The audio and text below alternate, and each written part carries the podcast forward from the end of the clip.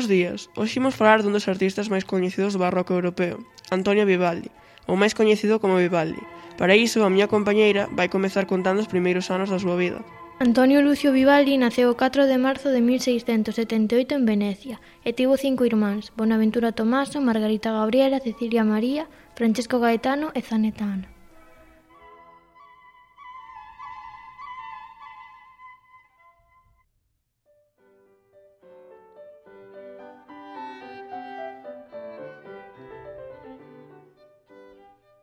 Seu pai, Giovanni Battista, ensinou a Antonio a tocar o violín e logo percorreron xuntos Venecia tocando o violín. Leirenzi doulle a Antonio as súas primeiras leccións de composición. En 1693, cando tiña 15 anos, empezou a estudar para ser sacerdote. Foi unxido sacerdote o 23 de marzo de 1703, aos 25 anos. A esa idade é cando comeza a traballar no Hospedale de la Pieta, unha residencia de caridade para rapazas orfas onde ensinaban música e onde creou a primeira orquestra femenina coñecida. Agora Nerea vainos a contar os primeiros contactos do artista coa música.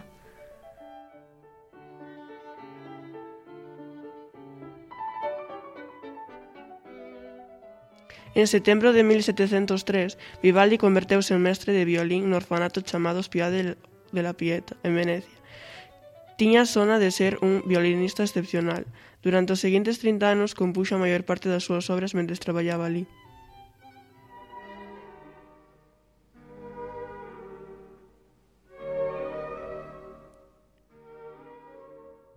Como lle gustaba máis a música que as obrigas de sacerdote, logrou que o dispensasen a dicir misa por razóns de saúde en 1704.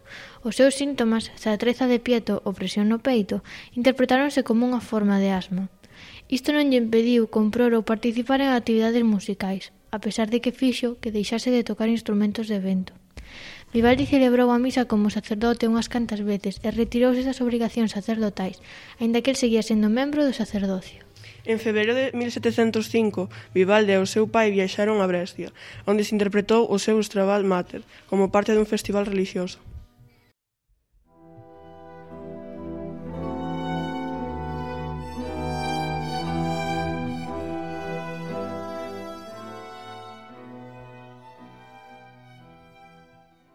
Despois de exercer un ano como músico independente, en 1711 chamárono de novo desde o hospedale, cun voto unánime, pois durante a súa ausencia a xunta deuse conta da importancia do seu papel. Tres anos despois, en 1714, publicou a Extravaganza, unha colección de concertos para violín e cordas dedicado ao seu antigo estudante de violín, Betor Delfin. En 1716 ascenderon a director musical, o que lle converteu en responsable de toda a actividade musical da institución.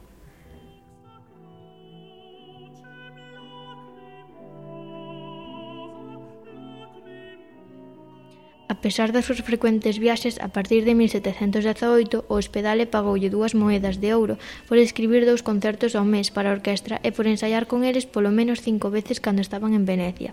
Os rexistros do Hospedale mostran que lle pagaron 140 concertos entre 1723 e 1733.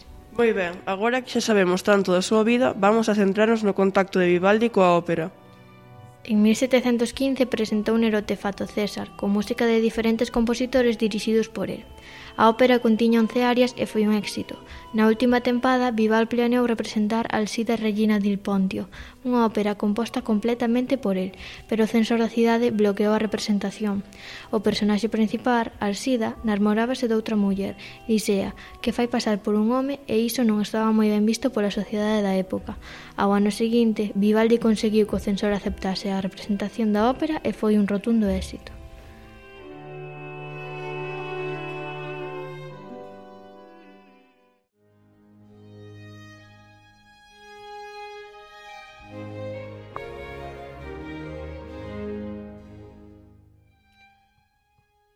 O Hospedal encargoulle tamén varias obras litúrxicas. As máis importantes foron dous oratorios, Moisés Deus para Onis, cuxa partitura se perdeu e Judita Triunfans, que celebraba a victoria da República de Venecia contra o Imperio Otomán e a captura da illa de Corfú. As once partes cantadas foron interpretadas por mozas do Hospedal, Tanto os papéis masculinos como os femininos inclúen partes de instrumentos solistas, frautas doces, oboes, violas de amor e mandolinas, que mostran o enorme talento que tiñan as mozas.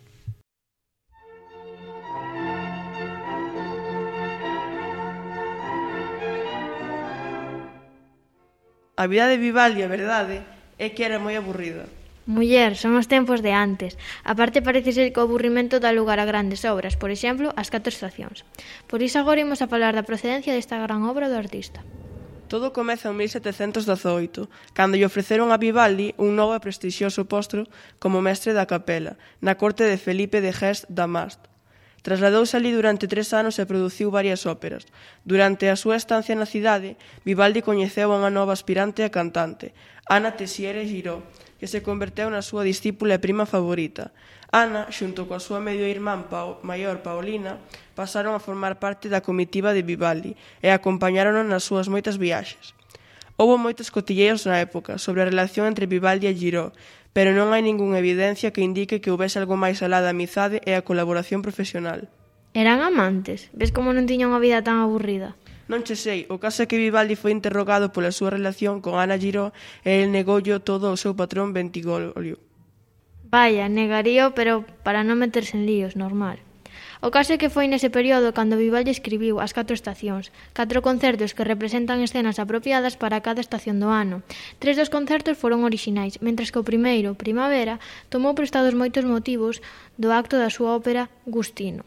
A obra foi unha revolución musical na súa concepción. Nestes concertos Vivaldi representou arroios fluindo, cans ladrando, mosquitos doando, pastores chorando, tormentas, bailarins bébedos, noites silenciosas, paisaxes xeadas, nenos patinando sobre xeo e cálidas fogueiras invernales. Cada concerto está asociado a un soneto. Foron publicados como os primeiros catro concertos nunha colección de doce. En 1721 foi a Milán, onde presentou o drama pastoral a Silva. En 1722 mudouse a Roma, onde lle deu un novo estilo ás súas óperas.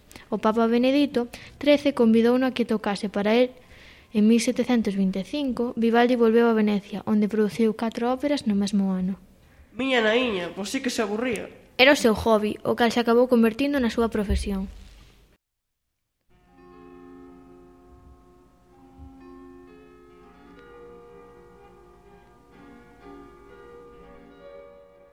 Na cúspide da súa carreira, Vivaldi recibiu encargos da nobreza e realeza europea. A serenata Gloria e Maneo foi un encargo do embaixador francés en Venecia para a celebración do matrimonio de Luís XV.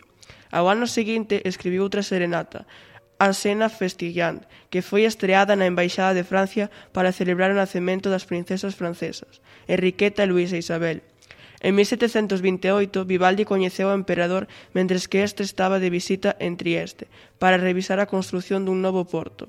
Outorgoulle a Vivaldi o título de cabaleiro, unha medalla de ouro e unha invitación a Viena. Vivaldi viaxou a Viena e Praga en 1730, acompañado polo seu pai, onde presentou a súa ópera Farnace.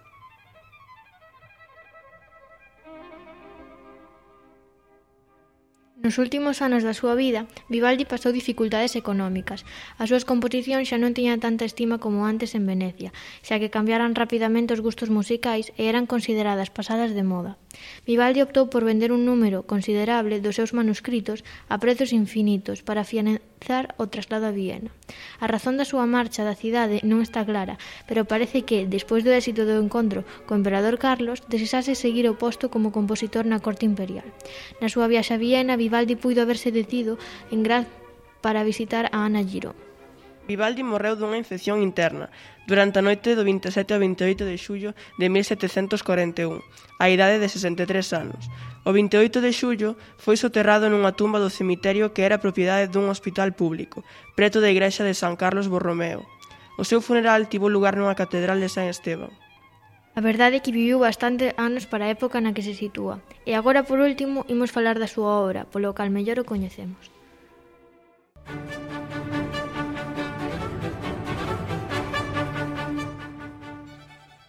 Así é, a música de Vivaldi foi innovadora. Moitas das súas composicións son rechamantes. Era coñecido pola rapidez co que compuña as súas obras, algo do que o propio compositor se enorgullecía. En ocasións, esa rapidez compositiva ía en detrimento da calidade das súas composicións.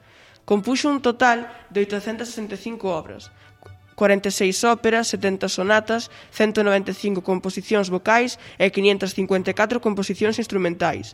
Na súa maioría eran concertos.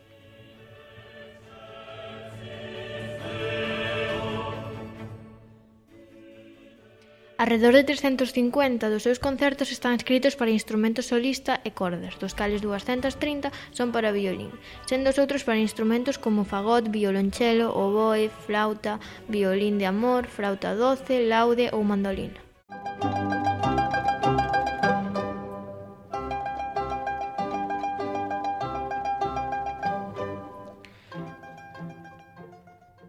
Nunha carta escrita por Vivaldi aos seus mecenas o Marqués Ventigo Bolio en 1737 fai referencia ás súas 94 óperas. Só se conservan 50 óperas de Vivaldi e non existe outra documentación do resto delas. Aínda que Vivaldi pudese ser exagerado, é posible que pudese ser responsable da produción de ata 94 óperas durante a súa carreira, que por aquel entón case chegaba a 25 anos.